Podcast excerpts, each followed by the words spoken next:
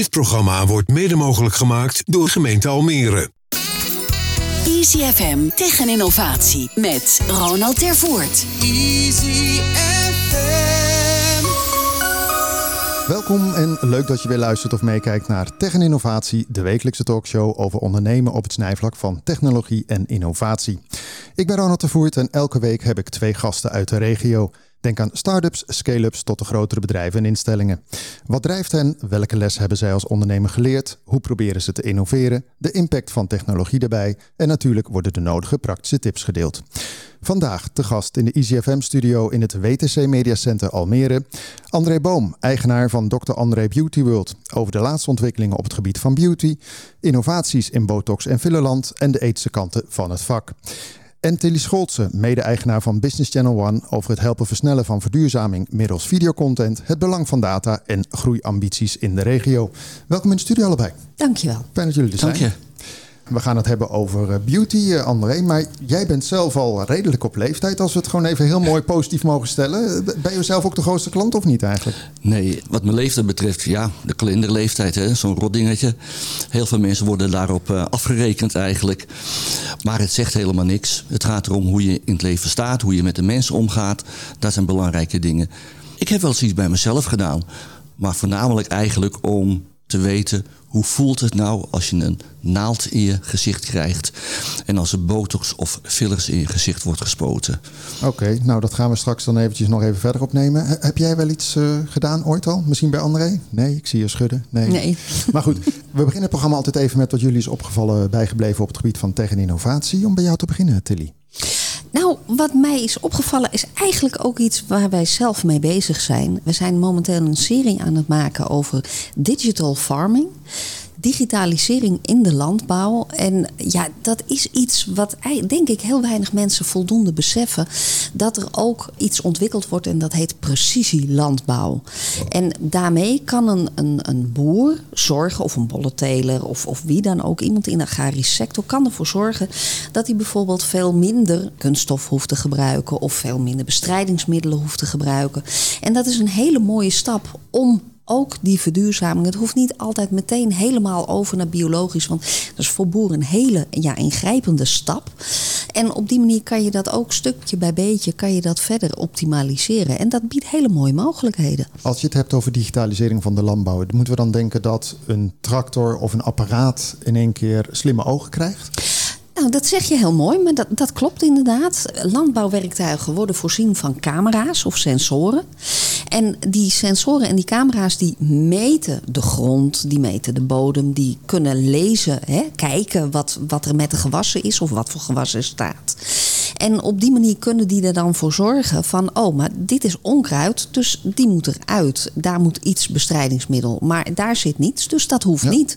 Ja, dat is veel beter als een heel land Ja. volstoppen met bestrijdingsmiddelen. Ik heb ooit eh, een bedrijfje gehad, het ontschiet me even de naam, maar die deden ook met eh, bepaalde gewassen, konden ze zien hoe lang duurt het nog voordat die helemaal volgroeid is. Een krop sla of boerenkool. En dan kan je dat ook natuurlijk alweer aanleveren van jongens, eh, de supermarkten, we komen eraan. En hè, dan is dan andere precisie dan waar jij het over hebt, maar dat is dan in ieder geval wel minder waste en ook weer duurzaam natuurlijk. Nou, het, het, het- het zorgt voor heel veel voordelen, maar ook een nieuwe werkwijze. En op die manier is het absoluut innovatief, omdat ook totaal uiteenlopende ja, soorten bedrijven met elkaar samen moeten werken. En dan zit je goed in de Flevopolder, zou ik maar zeggen, of in Flevoland. In de Flevopolder gebeurt het ook. Ik moet eerlijk zeggen, deze serie maken we niet in de Flevopolder, maar in Noord-Holland. Want wij werken door heel Nederland. Maar ja, in, in de Flevopolder gebeurt het ook. En ja, dat is het voordeel van dit soort content. Ook al maak je het ergens anders, het geldt wel overal. Gaan we dadelijk natuurlijk even verder op in. André, ja. Ja, wat ik eh, daar toch even op wil inhaken. Ik vind het heel erg leuk. En vooral ook omdat we het over boeren hebben. Boeren die worden door heel veel mensen nog gezien als mensen die een beetje ongeletterd zijn. Die gewoon maar op het platteland werken en eigenlijk uit de grond zijn opgetrokken. Maar de meeste boeren die hebben een hele goede opleiding. Helemaal gericht op land- of tuinbouw of veeteelt. En dat zijn gewoon hoge opleidingen die die mensen hebben. Ze weten er veel van af, ze hebben er veel in gestoken. En- Nou ja, dan goed, dan krijg je dus nu in één keer digitalisering. Hè? Dat is natuurlijk wel een nieuwe stap. Hè? Ze zeggen wel eens, heel veel mensen op de middelbare school worden opgeleid voor iets wat straks niet meer bestaat. Eh, Een opleiding als boer Ja. betekent nu wel, kijk ik jou even aan Tilly, daar moet je toch wel even om. Ik bedoel, digitalisering. Nou, ik denk dat er al een heleboel dingen anders gebeuren in het boerenleven als mensen denken. Ja, Want ja. wij gaan ervan uit, hè, heel veel als je aan een boer denkt, dan denk je aan iemand die in la met laarzen in de klei loopt en, en, en met dieren bezig is. Maar als je ziet hoeveel er in de loop van de afgelopen jaren al geautomatiseerd is bij eh, een boerenbedrijf, nou, dan lijkt het er totaal niet meer op, op wat men allemaal denkt. Als je ziet wat voor werktuigen, wat voor machines daar rondrijden op het land. Er zitten nog Ja, wel mensen dat- in bij, bij de... Ja, da- daar zitten dan nog wel mensen in. Maar als je dat ziet, dat, nou ja, het li- lijkt haast wel een cockpit. Oké. Nou ja, over precisie gesproken, daar hadden we het net al over. Hè? De naaldjes bij jou, maar daar komen we straks even op. André, wat is Oké. jou eh, opgevallen bijgebleven op het gebied van tech en innovatie? Nou, bijvoorbeeld op het gebied waar eh, Tilly mee werkt, dat daar ook alles zo snel gaat. Als je Video gaat kijken, ja, met videocamera's bijvoorbeeld, dat er heel veel geheugen in zit. Dat de computers waarmee je eh, films kan renderen, dat de videokaarten zo enorm snel zijn. De geheugenopslag, alleen al de kabeltjes die je gebruikt om je videocamera te verbinden met je geheugenkaarten, et cetera. Het gaat allemaal zo razendsnel tegenwoordig. Vroeger had je wel een nacht nodig om een klein filmpje te renderen. Ja. Nu doe je dat in vijf à tien minuten. Als je zelf al het handwerk hebt gedaan dan. Ja, ja nee, en, en het went natuurlijk ook heel snel. Ik heb zelf eh, relatief kort een nieuwe telefoon. Die laat gewoon eh, in 10 minuten, 15 minuten Ja, is die van 0 ook naar dat. 100. Dat ik denk, eh, ja, dat, daar raak je ook aan gewend. Hè? Dat je op een gegeven moment een van mijn kids moest opladen. Dat ik dacht, jeetje, dat duurt echt heel lang. Je wordt snel verwend. Maar goed, maar als je dan even een bruggetje naar jouw vak natuurlijk, André. Hè? Jij bent eigenaar van Dr. André Beauty World. Een bedrijf gespecialiseerd in eh, botox en fillerbehandelingen. Als je dan kijkt, hoe, hoe digitaal gaat dat eigenlijk? Of is dat gewoon nog een kwestie altijd van eh, prikjes? Nou, wat ik doe wel. Ik doe alleen maar prikjes. Eh, daar sta ik het meeste achter. Ik heb wel andere technieken ook gedaan. Er zijn apparaten waarbij je met ultrasoongeluid in de diepe huidlagen kleine beschadigingen kan aanbrengen. En dan gaat het lichaam dat zelf herstellen door de aanmaak van collageen, waardoor de huid weer strakker wordt. Maar ik vond de prijs kwaliteit-verhouding voor mijn cliënten niet, eh, of eigenlijk onvoordelig.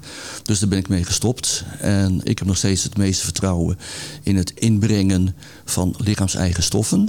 Zowel nagemaakt in het laboratorium of uit de buikhuid, waar stamcellen in zitten. Daarmee kan je ook heel erg veel doen. En botox, ja, voor heel veel mensen heeft dat een nadelige klank. Botox is een wondermiddel. Je kan er zo verschrikkelijk mee doen. En niet alleen op cosmetisch gebied, maar ook op medisch gebied. Dat was ook het eerste waarvoor het werd gebruikt voor mensen die spastisch waren. Hey, want even, jij zegt net eh, een aantal verschillende eh, ingrediënten die je kan gebruiken. Ik zag ook op, op jouw website, hè, je hebt botox, je hebt fillers en dan heb je, eh, hoe heet dat ook weer, self-filler of zo? Cef, Cef filler. Ja, dat Is, en, en is dat dan een lichaams-eigen product? Dat, is, ja, dat, dat halen we uit de buikhuid op een bepaalde diepte. Heel klein beetje vet. En in dat vet zitten allerlei cellen, waaronder dus stamcellen. En als je dat dan op een bepaalde manier zuivert en het gaat vrij snel, dan kan je dat in de huid inbrengen, ook met een naald of met een canule. Ik ga- nu even niet uitleggen wat een canule is, maar dat is een wat veiliger manier van werken. En dan kan je dat in de huid aanbrengen. En die stamcellen, afhankelijk van hoeveel stamcellen iemand heeft in het buikvet, gaat de huidkwaliteit eh, omhoog. Voordat ik even ga vragen, want uiteindelijk eh, is het best wel nou, een medische ingreep bijna, hè? zo Ja. voelt het. Maar, maar wanneer kies je dan voor botox en wanneer kies je dan bijvoorbeeld voor fillers? Dat is helemaal afhankelijk van het eh, toepassingsgebied. En op sommige gebieden gebruik je zowel filler als eh, botox. Maar eigenlijk is een standaardregel dat het gebied boven de wenkbrauwen en naast de ogen. Dat we dat vooral met eh, botox doen. En dat is dan in bepaalde spieren die ervoor zorgen dat bepaalde rimpels ontstaan. Zoals bij heel veel mensen wel bekend is, heb je dus een fronsrimpel. Hè, dus hier boven je neus. En vooral vrouwen die worden daar wel eens, nou laten we zeggen, ziek van als ze iedere keer opmerkingen krijgen van ben je boos? Wat ben je zaggerijnig? En dat zijn ze helemaal niet. Ze zijn gewoon vrolijk en ze zijn gewoon aan het nadenken. Nou, die rimpel die doen we met botox. Maar ook de rimpels in het voorhoofd. Deze rimpels. Ja. En deze rimpeltjes. De lachrimpels. De, de lachrimpeltjes. Ja, die ontstaan door bepaalde spieren. En dit. Dus span je hier spieren aan. Hier span je deze spieren aan. En hier span je een hele grote spier aan. Om die leuke knipoog te geven. Wat tegenwoordig niet meer mag. Hè. Maar goed. Maar, en, en dan de fillers, want de fillers dat is eh, opvullen van eh, iets wat... eh, Ja, de naam zegt het eigenlijk al. Met de filler kan je dus de boel weer wat strakker trekken. Maar waar het eigenlijk om gaat is dat je datgene wat verloren is in het gezicht in de loop der jaren, dat je dat weer gaat aanvullen. En hoe lang blijft dat dan goed? Want ik, ik, ik, in de loop der jaren daar heb ik ook wel mensen getroffen die fillers of botox doen. En dan hoor je toch een beetje van: oké, ja, ik moet over een tijdje moet ik weer eventjes voor een, uh, een update, zal ik maar zeggen. Hoe lang blijft dat een beetje goed in je lijf dan als je iets laat opvullen bijvoorbeeld? Nou, de fillers, maar moet je er wel rekening mee houden dat natuurlijk ieder lichaam verschillend is. En dat weten we eigenlijk wel. Als iemand hoofdpijn heeft, de een die heeft dan een half paracetamolletje voldoende. De ander moet er twee innemen of ze moeten aspirine innemen. En zo is het ook met de afbraak van fillers, maar ook met botox. Fillers, die kun je van uitgaan dat dat gemiddeld genomen een jaar goed blijft, het effect. En dat de mensen dus na een jaar weer komen om weer opnieuw een behandeling te laten doen. En als je, als je het niet doet, wat gebeurt er dan? Dan zakt het gewoon weg weer. Nee, dan krijg je eigenlijk de situatie zoals die was op het moment dat je gaat beginnen. Maar dan moet je er wel aan denken dat de huid zelf natuurlijk aan het ouderen worden is. Als je ongezond leeft, eh, je zit veel in de zon, je rookt. Dat deel van de veroudering van die buitenste laag van je huid, dat gaat wel door. En daardoor komen dan ook de rimpeltjes weer terug. Maar eigenlijk heb je de boel een tijdje stilgezet. Ja, maar het is ook alcohol volgens mij. Dat is ook niet echt goed voor je huid, toch? Nee, alcohol, uh, nou ja, mij is dat niet te zien hoor. Dat nee, nee, alcohol nee. slecht is voor de huid. Nee, nee, maar jij bent gezegend voor me met een hele goede huid. Uh. Ja, uh, ja, goede genen hè? Ja. Nee, dat is eventjes om er een beetje vrolijkheid in te gooien. Ja. Hey, Tilly, jij gaf net aan dat jij, jij dat nog nooit gedaan hebt. Is dat omdat je een drempel voelt? Of gewoon je zegt van joh, ik geloof hier, ik, ik vind dat allemaal prima, maar... Ik denk dat het heel erg mooi is dat deze mogelijkheid er is voor mensen die om medische redenen ja, een behandeling zouden willen. Maar ja, voor mijzelf uh, ja, heb zoiets van ja, ik word ouder en dat hoort erbij. En, en dat zorgt ook dat je, ja, hoe, hoe zeg je dat? Ik, ik vind vaak mensen die, die een wat meer doorleefd gezicht hebben, dat, dat vind ik juist heel mooi. Dus ja, ja. Op, op, die manier heb ik zoiets van: nee, ik, ik geloof niet dat ik het ga doen. Uh, in, in sommige gevallen. Ja, ik heb die behoefte niet. Maar ik vind wel heel mooi dat, dat die mogelijkheid ja. er is. Ook voor mensen, inderdaad, wat André net zegt. Als je regelmatig commentaar krijgt over een, een frons of een.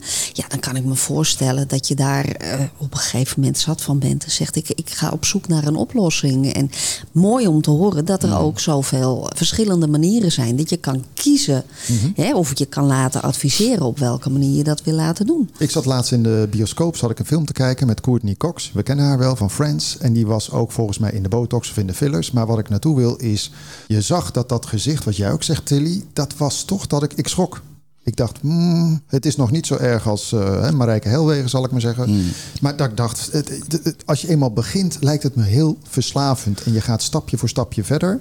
En eigenlijk wat jij ook zegt, het, verandert wel het gelaat. Wat, wat, is jouw grens, zal ik maar zeggen? Nou, wil ik eerst even opmerken over het doorleefd zijn van een gezicht. Dat komt uh, voornamelijk door weer en wind.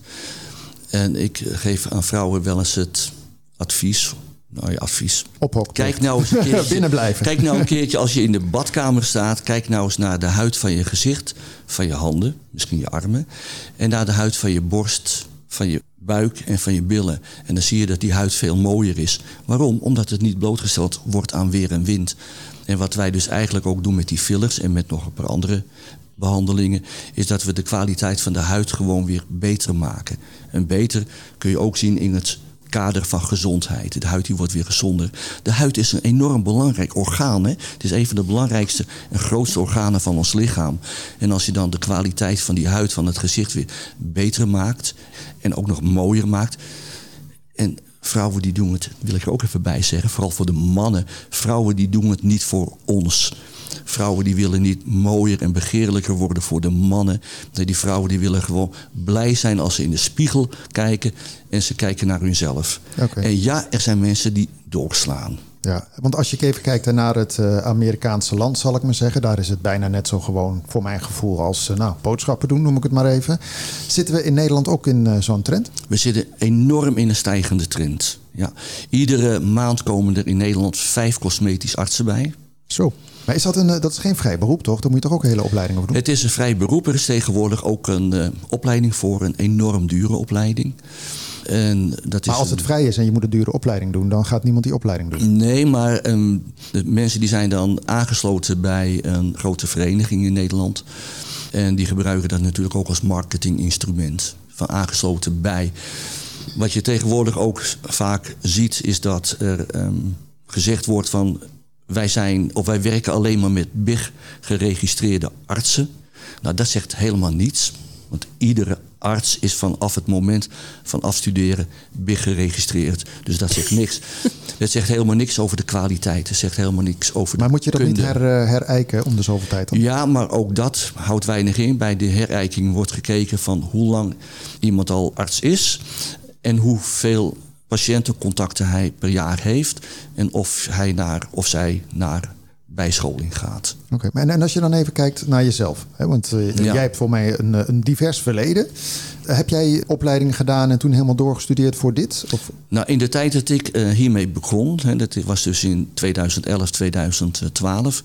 Toen waren de opleidingen door de leveranciers die dus de producten leverden. En dan kwam daar een gastdocent, meestal van een van de fabrikanten, vaak Amerikaanse docenten, of mensen die het al langer deden. En die gaven dan, dan, dan onderwijs in. En dan waren er vrijwilligers. En dan kon je die vrijwilligers behandelen. Meestal familie, kennissen van de fabrikanten.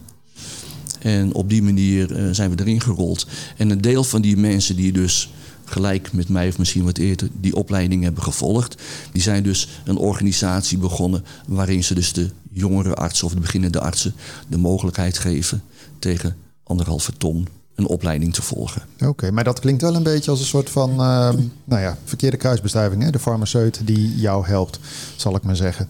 Ja, maar ja, het moet ergens beginnen. Maar zoals in jouw geval, hè? want jij, wat, wat ik zag online, hè? je hebt een ver- verleden onder andere bij, eh, als arts bij, bij het UWV, maar ook in het ziekenhuis heb je het een en ander gedaan. Ja. Je hebt echt een artsenverleden, hè? Ja. ook met, met, met prikken. Dat is natuurlijk wel iets wat jou onderscheidt, denk ik, van heel veel Mm. anderen. Ja, Want het voelt toch een charlatan soms. Hè? Wat je net zegt met botox, heeft een negatieve connotatie. Hè? Ik vind het fantastisch Mm. wat Tilly ook zegt dat het kan. Maar het lijkt me heel moeilijk om af en toe daar tegen te wedijveren. Omdat er heel veel mensen bij komen. Het mislukt nog wel eens. Ja. Ja, dat zijn hele Ja, je zit te vervelende... knikken, Tilly. Ja, Eh, ja, ik, ik- Ja, ik, ik, ik schrik er ook van, hoor, wat ik iedere keer zie. En een van de redenen dat veel klanten bij mij komen... Ik, er, zijn, er wordt heel erg veel geshopt in mijn vak. Maar ik heb klanten die ik al tien jaar heb... en die een paar keer per jaar bij me komen, vooral voor de botox dan. En dan één keer per jaar voor een filler. Of soms komen ze na een paar maanden voor een filler in een andere plek van het gelaat. Ik zag ook botox eh, stond ook op voor eh, tandenknarsen op Ja. jouw eh, prijslijst. Ja. Ehm, voordat ik even op de prijs kom. Hoe zit dat? Oh, dat is fantastisch. Da- Daar zijn de mensen zo blij mee. Ik weet nog goed, de klanten die ik daar voor het eerst mee hielp... daar was ik zo aan het vertellen van dat botox zo'n mooi wondermiddel is. En toen gaf ik dus als voorbeeld wat ik allemaal deed. En toen zei ik, nou, bijvoorbeeld tandenknarsen. Ze kijkt me met open mond aan. Ze zegt, tandenknarsen? Ze zegt, ik heb al jarenlang dat ik fysiotherapie heb... en dat ik met bitjes moet slapen. En ik slaap slecht. eh, ik sta 's morgens op met hoofdpijn en ik ben de hele dag moe. En die is toen aan de botox gegaan. En drie, vier maanden later kwam ze voor een vervolgbehandeling. En zei, André, mijn leven is zo verbeterd. Ik slaap goed. Maar wat doe je dan? Prik je dan in een bepaalde ja, spier? Dat is een hele grote kaakspier die je hebt. Dat is de sterkste spier van je lichaam. Die zit hier aan de kaak vast. En dan krijgen de mensen hier botox ingespoten. En dan wordt de spanning van die kaakspier die wordt wat minder. Niet op die manier dat ze dan moeite met eten hebben. Nee, want het is maar een heel klein beetje. En dan is die spanning eraf. En die mensen die slapen rustig. Hun partner... Want dat tandenknarsen kan heel heftig zijn. Dat zelfs de partner Ja. daar last van heeft. De oordops in gaan doen. Hey, dan even richting, even heel kort naar die prijs. Want ik zag ook online dat dat eh, 200, 300 euro is volgens mij een normale behandeling. Ja. Maar als je het dan hebt inderdaad over je lichaams eigen spul inspuiten, dan is het weer een stuk duurder. Dat lijkt me ook echt een, een, een best wel lastig iets van wat is de prijs? Want dat zie je volgens mij in jullie business ook. De ene is heel duur, de andere is goedkoop. Hoe- zit dat bij jou? Ja, Hoe bepaal je dat dan? ja, het is eigenlijk ook een beetje marketing. Maar is het ook Ehm. hoeveel je binnenkrijgt? Als je een paar prikjes doet, is het goedkoper dan eh, iets meer prikjes? Meer prikjes, dan krijgen de mensen wel korting. Dus Oh. Bijvoorbeeld, om, om een voorbeeld te geven... eh één zone botox is eh, 100 euro, twee zones is 190 euro. Voor de corona was ik een stuk duurder. Maar omdat de mensen slechter in hun geld kwamen te zitten... heb ik de prijzen toen verlaagd. Want ik wil dat het niet alleen toegankelijk is... dit soort behandelingen voor de rijke mensen... maar ook voor Jan met de pet en Truus met de muts.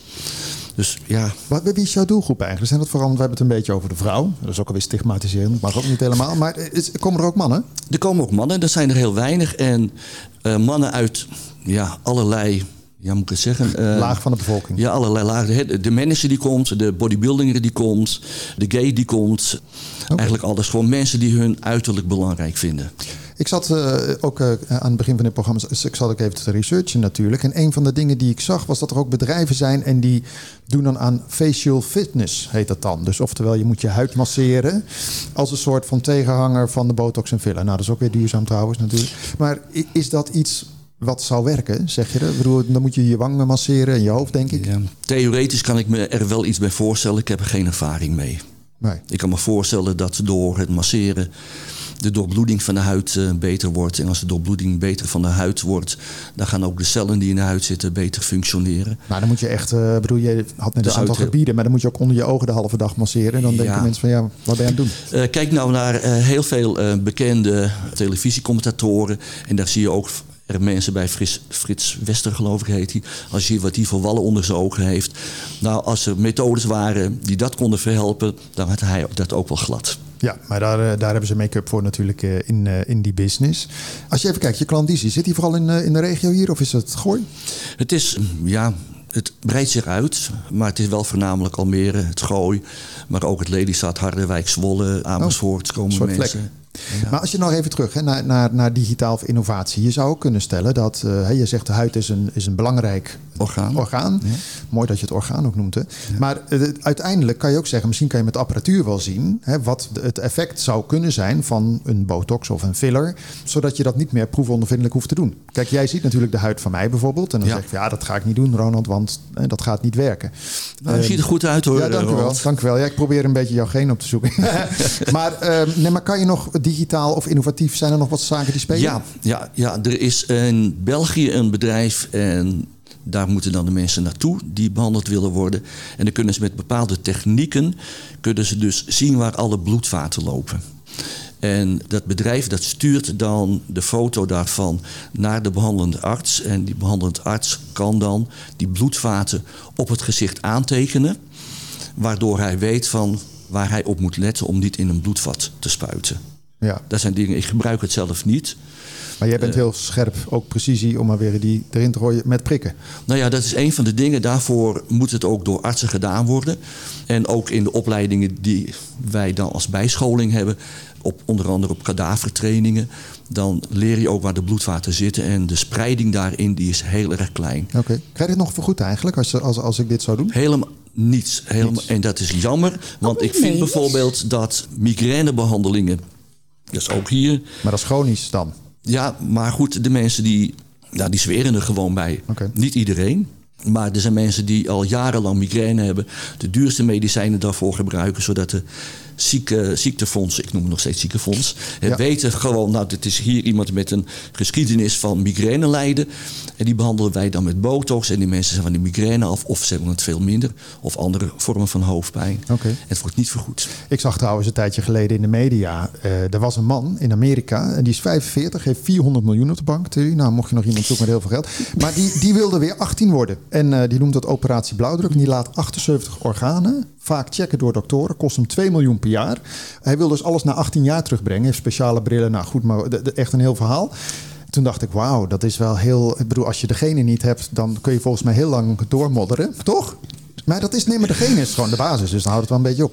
Ja, maar goed, dit zijn gewoon mensen met een bepaalde afwijking. Oh ja, oké, afhek. Ja. En nog even tot slot even, want dan gaan we even naar Tilly. Eh, wat zijn een aantal praktische tips voor de luisteraar te kijken die je zou willen meegeven voor eh, ja, mensen die overwegen van goh, eh, ga ik wat doen of niet? Of dat je zegt, joh, ga eerst even lekker. Nou, een heel belangrijk ding is als je een arts gaat zoeken, het moet in ieder geval een arts zijn.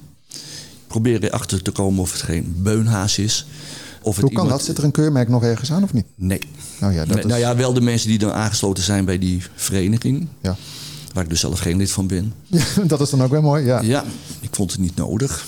Maar het is ook een beetje, ik bedoel, eh, waar je een klik mee hebt. Hè? Net zoals met een coach zich. Heel belangrijk is, kijk naar de reviews. En nog mooier is als je vrienden of vriendinnen, kennissen hebt... die al behandeld zijn door een arts. En als die tevreden is. Ja. En ga niet naar iemand waar de wachtkamer vol is.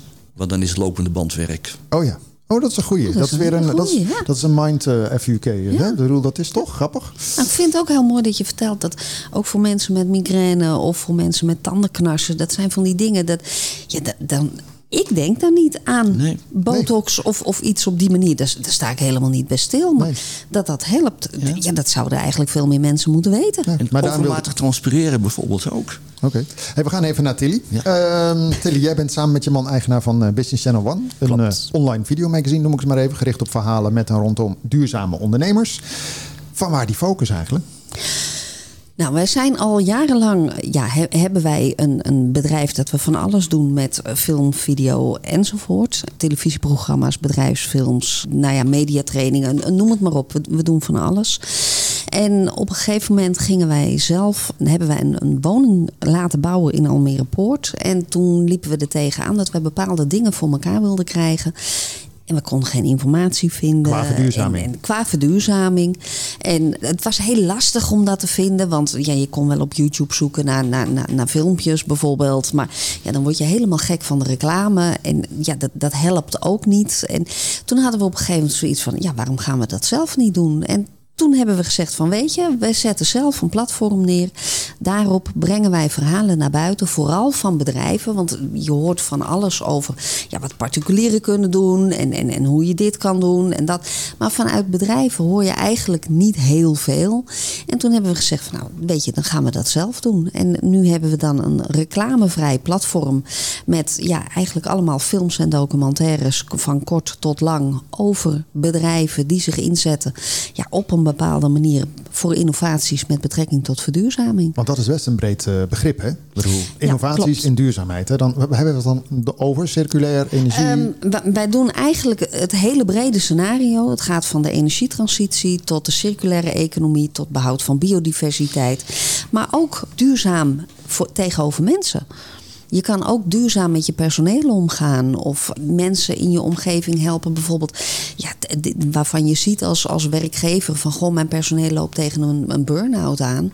Daar kan je iets mee. Daar kan je iets voor doen. Daar kan je iets voor betekenen. En Je zegt net, hè, je, je hebt verschillende vormen, zal ik maar zeggen. Kort, lang, op jullie platform. Sowieso, wa- waarom is het ene? Want ik zat te kijken. Sommige dingen zijn echt een uur en andere zijn een kwartier. Ja. Is daar niet een soort van bandbreedte in? Dat, dat je zegt, ja, na zoveel tijd haakt iemand af? Nou, dat is heel erg apart. Want heel veel mensen zeggen tegenwoordig: het mag niet langer duren dan zo lang. Want de concentratiespannen is niet zo groot. En wij komen er juist achter dat mensen van wie die concentratiespannen niet zo groot is, ook wel naar die lange films kijken. Maar die doen het in etappes. Ah, snacken in etappes. Die snacken in etappes. En het- zo zien wij bijvoorbeeld ook dat je je hebt mensen die kijken bijvoorbeeld overdag op kantoor, stiekem op de, op, op de laptop of op de telefoon of op die manier naar hè, wat, wat is er allemaal te zien. En die komen dan s'avonds weer terug, want die hebben iets gezien wat ze interessant vinden en dat willen ze op hun gemak verder rustig kunnen bekijken. Je had het net over, jullie hebben een reclamevrij platform. En nu kan je denken, nu zullen heel veel mensen denken, ja, waarom zit je niet op YouTube? Hè, dan heb je meteen heel makkelijk een wereldwijd bereik. Wat is daar de reden achter? De reden dat wij niet op YouTube zitten, dat zijn er eigenlijk een paar. Maar de hoofdreden is inderdaad reclameuitingen. Zodra je een succesvol kanaal hebt op YouTube, dan heb je te maken met reclameuitingen. Daar verdient YouTube geld aan. Men zegt allemaal van ja, maar het is zo makkelijk, want op YouTube kan je gratis je content plaatsen. Ja, iedereen kan zijn, zijn content plaatsen op YouTube van over de hele wereld. Maar Maar daardoor weer de price. Hè? wordt er zo verschrikkelijk veel geplaatst op YouTube dat het heel moeilijk is om ervoor te zorgen dat je verhaal ook gezien wordt. Maar dan Dus- moet je wel voor je eigen platform eh, iets meer aan de bak om te zorgen. Hè? Want Precies. Business Channel One zit niet meteen top of mind bij iedereen. Doe je dan ook meteen de hele marketing en promotie voor jezelf, maar ook voor die bedrijven dan? Want dat is nogal een ding wat je moet aanzwengelen. Klopt, het, het is best wel een hele dikke kluif die we hebben gekozen. We hebben ook niet de makkelijkste weg gekozen. Maar we hebben wel gezegd, er zijn zoveel meer bedrijven nu ook op zoek naar mogelijkheden. Er zijn, we komen bij bedrijven binnen die ook op zoek zijn naar eh, samenwerkingen met andere bedrijven. Hoe zit dat nou? Hoe kunnen we dit oppakken? We willen dit eigenlijk nog of we zijn hier nog naar op zoek.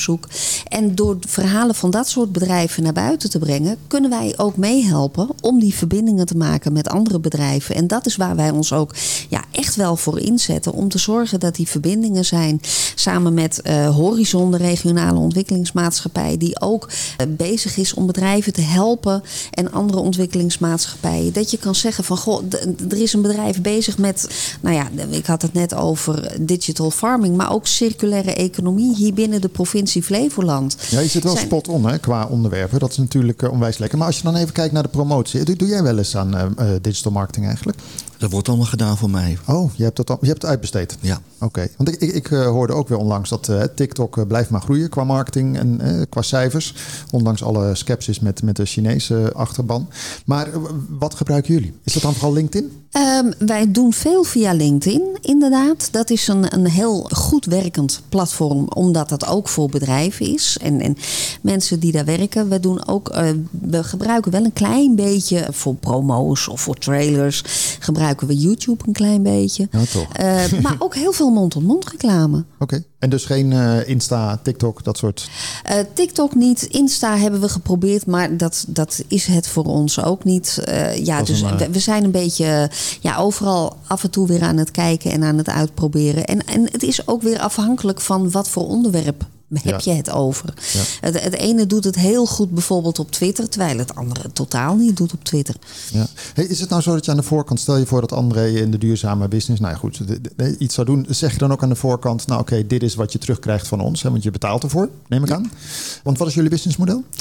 Wij hebben inderdaad een model. Wij geven, eh, wij, wij maken kwaliteit video's, kwaliteit films moet ik eigenlijk Doe je het dan zeggen. op eh, 4K, 8K, dat Eh, soort is, is 4K. eh, alles wordt ondertiteld, zowel Nederlands als Engels. Omdat verduurzaming ook niet stopt bij de grenzen. Mhm. En dat is niet alleen de, de provinciale grenzen, maar ook de landelijke grenzen. Eh, overal is men hiermee bezig.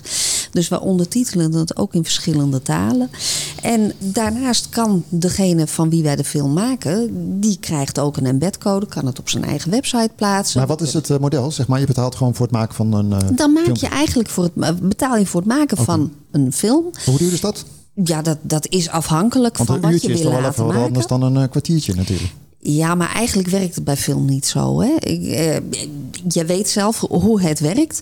Eigenlijk is, dat zie je ook hè, met reclamebureaus. Een reclamebureau wordt in de hand genomen om een mooie commercial te maken. Die mag maar 30 seconden zijn. Ja, dat kost heel veel geld. Want Ja, je het moet is heel editen. moeilijk Ja. om iets in, in een hele korte tijd te stoppen. Maar wat wij maken, en dat doen we heel bewust. Wij maken geen hele korte filmpjes. Geen anderhalve minuut filmpjes of wat dan ook. Om de simpele reden dat je niet goed het verhaal van dat bedrijf in zo'n film kan vertellen. Ja. Wij hebben het niet alleen over een. Wij maken geen reclamefilm, maar wij gaan kijken van wat is, wie, wie zijn dat bedrijf, wat doen ze, waarom doen ze dat, maar ook waar zijn ze naar op zoek, zodat we hen op die manier iets kunnen geven waar ze ook veel langere tijd iets aan hebben. Ja, dat is mooi. Hè? Je bent echt een, eh, ja, een verlengstuk eigenlijk in die zin. Hè? Eh, Ja. In, het- in de goede zin. Maar dan even inderdaad, eh, aan de voorkant ga- je niet roepen... dit is het bereik, dit is het effect. Je gaat gewoon zorgen voor zo goed mogelijke content. En Wij- dat is de key. Ja, wij, maken zo goed mogelijke content. Wij geven dan ook aan aan de klant voordat het online gaat. Dan kunnen ze het natuurlijk bekijken. Zijn ze het ermee eens? Nou, helemaal top. Eh, anders moeten we een paar kleine aanpassingen doen. Maar ik moet eerlijk bekennen, dat gebeurt heel weinig. Want we verdiepen ons echt wel in een bedrijf voordat we er een verhaal over maken. Zodat we goed ja, dat verhaal van het bedrijf goed neer kunnen zetten. En zij kunnen dan op allerlei manieren, ja, kunnen zij het gebruiken, kunnen ze het inzetten. Heb je niet heel veel last van eh, concurrerende partijen met video? Want ja, sinds corona is natuurlijk hè, eh, video bellen, video vergaderen. Ik bedoel, video, video. Iedereen schijnt gaan te doen on- ongeveer. Ja, daar lijkt het af en toe wel op. Maar je ziet ook wel duidelijk dat daar verschil in zit. Want het maken van een, een, een, kort filmpje, om het zo maar te zeggen, is toch wat anders als wat wij doen. Wij, wij hebben zelf een, een techniek ontwikkeld. Wij noemen dat een journalistieke marketingtechniek. Wij maken, dat bestaat eigenlijk niet, want journalisten doen niet aan marketing. Die bedrijven journalistiek. En dat is eigenlijk heel logisch. Maar wij hebben geprobeerd een combi te maken. En dat doen we bewust, want het gaat erom wat is het doel, wat is de missie van dat bedrijf. En bij de bedrijven waar wij komen, gaat het er dan ook om dat ze iets hebben ontwikkeld. Vaak is het een nieuw product. Ik noem maar even iets, een, een, een, een poeder waar je waterstof in op kan slaan. Waardoor je het niet meer onder druk hoeft te bewaren. Dat je het veel makkelijker kan vervoeren. Ja, dat zijn innovaties, die zijn zo mooi. Dat is het waard om daar meer aandacht aan te besteden. En, het- en het is nogal een verschil hè, of je inderdaad kritisch gewoon iets bevraagt, zal ik maar zeggen. Hè. Dan, wat is die journalistieke marketing van jou, zal ik maar zeggen. Of dat je zegt, oh geweldig, en hè, hoe, waar kan ik dit product kopen? Ik bedoel, dat is wel natuurlijk de tone of voice.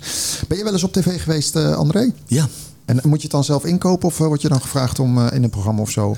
Nou, je wordt dan benaderd door mensen die zeggen: we willen je zo graag in het programma hebben. En, als, en aan het eind komt de rekening. Nou, dat wordt heel erg moeilijk. Tenminste, de eerste keren dat ik aan een tv-uitzending uh, meedeed, dat was nog op SBS 6. En op een gegeven ogenblik, ja, ik wilde weten of dat gratis was. Dat ze bij waren, dat ze mij in het programma zouden hebben. Ja, ze waren dolblij dat ze mij in, het uh, programma zouden hebben. Maar nee, prijs daar, het kwam later wel. Nou, uiteindelijk was het dan dat... Ja, er moest even met de manager overlegd worden. En uh, nou, het, het, kon dan wel. En ik kon dan een leuke korting krijgen. Maar ik moest wel diezelfde avond eventjes het contract ondertekenen. Oh ja. Nou, hoe vond je dat dan? Dat is toch niet heel net? Nee, nee, ik vond dat ik echt onder druk gezet werd. Dus ik heb daar toen vanaf gezien. Okay. En na de rand kreeg ik wel leukere aanbiedingen waar ik wel op inging. En het leuke was ook, je kreeg ook het filmpje. Oh dus ja. dat was ook mooi, wat ik weer kon gebruiken. Ja. Is het eigenlijk Tilly, hè? want je zegt net, wij, wij doen gedegen onderzoek naar de bedrijven. Want er zijn natuurlijk heel veel bedrijven die, hè, zo gesteld, aan greenwashing doen. Ja. Op het moment dat je merkt dat een bedrijf in die categorie valt, wat doe je dan? Dan gaan we er niet mee door. Oké, okay. oh, dat is uh, pittig. Ik zat gewoon zo op jullie platform te kijken. Want jullie, hè, jullie hebben jullie model. Maar ik kan me ook voorstellen dat er heel veel partijen zijn die daar gewoon aan gelieerd zouden willen zijn. Hè? Zonder dat dat invloed heeft op de content. Ik zag het nog niet terug, maar je bestaat al wel zeven jaar. Toen dacht ik, klopt, dat, heeft dat een reden? Uh, wij zijn wel degelijk, uh, staan wij open voor allerlei samenwerkingen. We zijn ook wel her en der in gesprekken met deze of gene partijen. Maar het gaat bij ons vooral om de bedrijven die wij naar buiten brengen. Want dat is het allerbelangrijkste. En het gaat niet zozeer om de manieren waarop wij dat verder naar buiten brengen. Nee, oké, okay, maar het is, een, het is een verdienmodel, dat bedoel ik meer. Hey, ik had aan het begin had ik het even over de data. Want tegenwoordig kan je alles ongeveer herleiden. Is dat voor jullie heel belangrijk, die data achter de video voor jullie klanten? Dat ze daarna zitten te kijken en zeggen van... oh, wacht, deze scoort nu minder na twee weken. We moeten even iets uh, eraan doen. Het, bijzondere is uh, wat wij zien. Hè, je, je, hebt natuurlijk allerlei verschillende verhalen. En hoe meer regionaal het is wat je maakt... dan zie je ook dat de kijkers dat dat wat minder is. Maar wij maken ook volledige documentaires. Bijvoorbeeld over de circulaire economie... of over energieopslag. Over de kunststofindustrie in Nederland. En als je dan naar dat soort verhalen kijkt... ja, die worden heel veel bekeken. En dan heb ik ook inderdaad zoiets van, ja weet je, dat is wel heel gaaf om te zien. Dat zou ik op YouTube zonder heel veel geld uit te geven aan reclame niet redden. En dat redden wij met alleen ons platform weer wel. Als je kijkt uh, dit jaar, wat is dan de grootste uitdaging? De grootste uitdaging dit jaar ja, is om zoveel mogelijk films naar buiten te brengen van innovatieve bedrijven. Maar ben je niet op zoek naar personeel of zo? Ik denk dat... Uh... Nee, wat, wat heel veel gebeurt in deze branche, dat zal je zelf ook weten, is dat er heel veel gewerkt wordt met freelancers. Dat doen wij ook. Dus ja, op die manier zijn wij ook flexibel in hoe wij kunnen werken en wat wij op kunnen pakken. En ja, dus wij zijn niet specifiek nu op zoek naar personeel. Oké. Nou, je zit heel erg aandachtig te luisteren, André. Uh, ja, ik vind het ook boeiend. De... Ik uh, leer altijd graag iets. Oh ja. ja, je bent nooit uitgeleerd, zeggen ze toch? Nee, nee, nee, nee. Daar blijf je hersenen soepel van. Ja, hey, richting het einde van het programma uh, vraag ik de gasten altijd even waar ze zich op verheugen komende week. Waar verheug jij je op komende week, André? Eigenlijk op iedere nieuwe dag weer. Gewoon, ja. vooral als het mooi weer is. Maar heb jij, uh, heb jij nog bepaalde dingen in jouw vak dat je denkt, oh ja, een workshop of iets nieuws? Of waar, waar, wat zijn de Ja, ik heb uh, wel een paar workshops uh, binnenkort. Ik ga me verdiepen in een product waarmee je dus vet kan oplossen. Oh. Vooral voor het onderkinnetje, waar tegenwoordig weer steeds meer vraag naar is. En een jaar of tien geleden was er ook een product voor op de markt en dat was toen uit de markt gehaald. En nu is er weer een nieuw product en dat is door een van de hele grote farmaceutische industrieën of bedrijven waar ik veel vertrouwen in heb, weer op de markt gebracht. Dus ik ga me daarin verdiepen. Kijken heb je, of heb je nog wel eens congressen of zo op dit gebied eigenlijk? Ja, ja zeker. Ja? ja, er zijn er ieder jaar wel een aantal. Ik moet wel zeggen, er zijn er een aantal bij waarbij het puur gaat om het geld verdienen door de organiserende partijen. Ja, nou, dat is wel een beetje, die zweem die blijft wel een beetje over, ja, hè, die kruisbestuiving. Het, ja, uh, dat, ja dat, dat is jammer. Dat vind ik wel vervelend, ja. Oké. Okay. Ik vroeg aan jou waar je op verheugt komende week. Wat, wat, wat, is het dan? Gewoon elke dag was het, hè? Ja, elke, ja, gewoon kijken wat ik weer voor leuke nieuwe mensen ontmoet ook. Ja, net zoals vandaag. Dat is het hoogtepunt van de week alweer. Tilly, uh, waar verheug jij je op komende week? Nou, er zijn aankomende week een aantal dingen om, om dan bij heel dichtbij te blijven. Uh, uit mijn hoofd aankomende donderdag is er de Staat van Flevoland georganiseerd door Horizon. Dat lijkt me heel erg leuk, want ik, ik ben net als wat André zegt altijd op zoek naar nieuwe verhalen. Uh, ik leer heel graag, ben ontzettend nieuwsgierig. Dus uh, ja, dat vind ik heel leuk. En dan ook weer nieuwe mensen ontmoeten. En ook aankomende week hebben we de, de MPAC. Dat is een verpakkingsbeurs. En daar gebeurt ook weer heel veel op het gebied van kunststof. Ja, daar ga ik naartoe, want ik ben ontzettend nieuwsgierig wat daar allemaal weer ja, voor, voor nieuwe innovaties zijn. En, en ja, hoe, hoe, we daar weer nieuwe dingen kunnen leren. Hoe kijk jij eigenlijk naar uh, het toverwoord uh, artificiële intelligentie, ChatGPT? Wat afgelopen maanden allemaal, nou goed, ik zie jou zuchten. Maar, nee, maar de, probeer je daar ook het een en ander mee te doen? Want het is een soort van ja, holy grail, maar het is ook een uh, soort onverspreid iets. Ja, ik, ik, ik vind het heel ingewikkeld, dat soort dingen. Want ik heb er zelf helemaal niets mee.